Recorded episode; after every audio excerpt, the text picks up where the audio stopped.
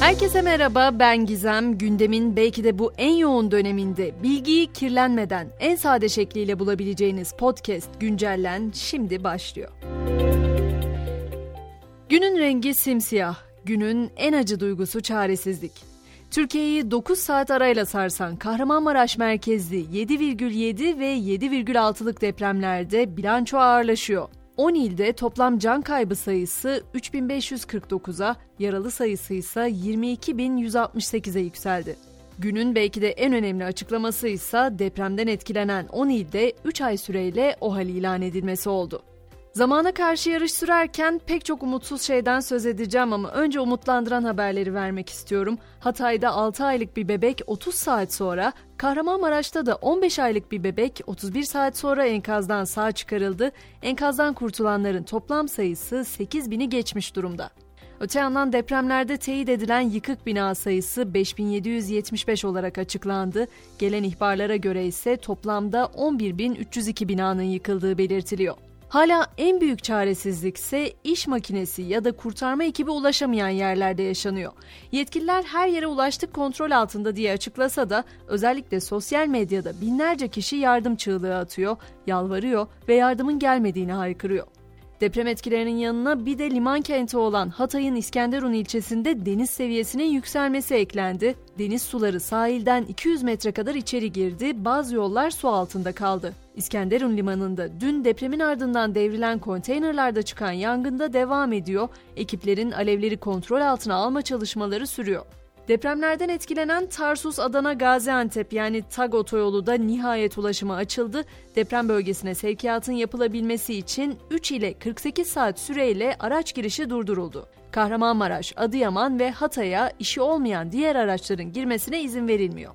Bölgeye gönderilen yardımlardan da hemen kısaca söz edeyim istiyorum çünkü hemen hemen hepimizin aklında ben ne yapabilirim sorusu var şüphesiz. Öncelikle insan gücü bakımından madencilerden oluşan 2103 kişilik arama kurtarma ekibinin deprem bölgesinde çalışmalara başladığını söyleyebilirim.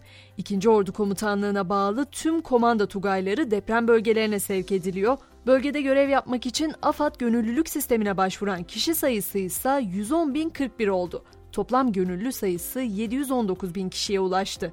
Sadece Türkiye ile sınırlı değil 14 ülkeden yaklaşık 4 bin arama kurtarma ekibi de bölgede görev yapıyor. Japonya ve Pakistan Türkiye'ye arama ve kurtarma ekipleri gönderdi.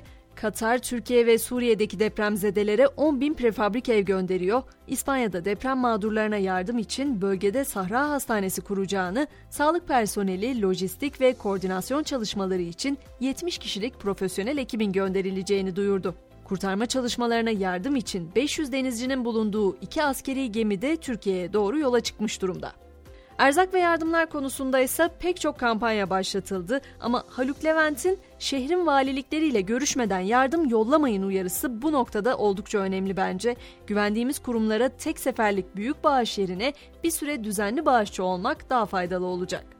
Bu konuda Türkiye'nin ilk acil müdahale gemisi Nene Hatun'da deprem bölgesine gidiyor. İstanbul'dan hareket eden gemi yardım ve ikmal malzemeleri götürüyor. Ulaştırma Bakanlığı tren vagonlarını depremzedelere açtı. Depremden etkilenen illerde 3400 kişiye vagonlarda konaklama imkanı sağlandı. Ticaret Bakanlığı da depremzedelerin öncelikli ihtiyaç ürünlerinin satılacağı e-ticarette deprem yardımlaşma seferberliği yani e-seferberlik başlattı. Ama siz yine de ben bireysel olarak bir şeyler göndermek istiyorum derseniz yurt içi kargo ve PTT deprem yardımlarını ücretsiz taşıyacağını duyurdu. Vatandaşların deprem yardımlarını şubelere teslim etmeleri yeterli olacak.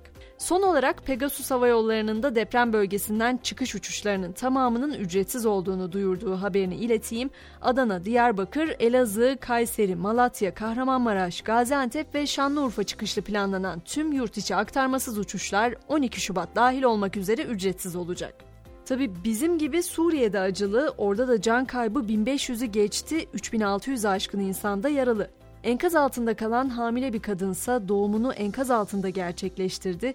Bebek sağlıklı bir şekilde dünyaya geldi ama anne maalesef hayatını kaybetti. Dünya basını da dün meydana gelen depremler için son 100 yılın en güçlü sarsıntıları değerlendirmesinde bulunuyor. İtalyan jeofizik uzmanı Doglioni ise ilginç bir açıklamada bulundu. Doglioni, fay hattının bulunduğu Anadolu levhasının Arap levhasına göre kuzeydoğu güneybatı yönünde en az 3 metre hareket ettiğini düşündüklerini söyledi.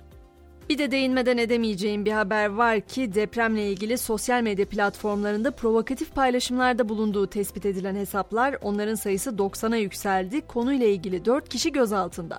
Enkaz altında kalan depremzedeleri telefonla arayıp dalga geçen zanlılar vardı biliyorsunuz bir de onlar da gözaltındaydı. İşte onları savunacak avukat bulunmadığı için de henüz ifadeleri alınamadı. Son olarak eğitim başlığından da haberler var. Onları da aktarayım istiyorum. Milli Eğitim Bakanlığı ülke genelinde 13 Şubat'a kadar yapılması planlanan e-sınavları erteledi. Bu haftaki motorlu taşıt sürücülüğü, ustalık, kalfalık gibi sınavlarda daha sonra yapılacak. ÖSYM ise bazı sınavların başvuru tarihlerini değiştirdi. MSÜ, TUS, STS başvuruları 9 Şubat, YÖKDİL sınavı başvurusu ise 10 Mart'a kadar yapılabilecek. Sporda da Türkiye Futbol Federasyonu deprem felaketi nedeniyle bu hafta oynanacak profesyonel ve amatör tüm müsabakaların ertelendiğini duyurdu. Buna göre 10, 11, 12, 13 Şubat tarihlerinde Süper Lig 1. 2. ve 3. ligde oynanması gereken tüm müsabakalar 17, 18, 19, 20 Şubat tarihlerinde yapılacak. Sonraki haftalarda buna göre planlanacak. Ve Podi ile güncellen dediğimiz dakikaları noktalarken insanlığımızı sorguladığımız bu günlerde belki de bize yardımcı olabilecek bir sözü motto olarak bırakmak istiyorum. Acı duyabiliyorsan canlısın, başkalarının acılarını duyabiliyorsan insansın. Yarın sabah 7'de tekrar görüşmek üzere. Şimdilik hoşçakalın.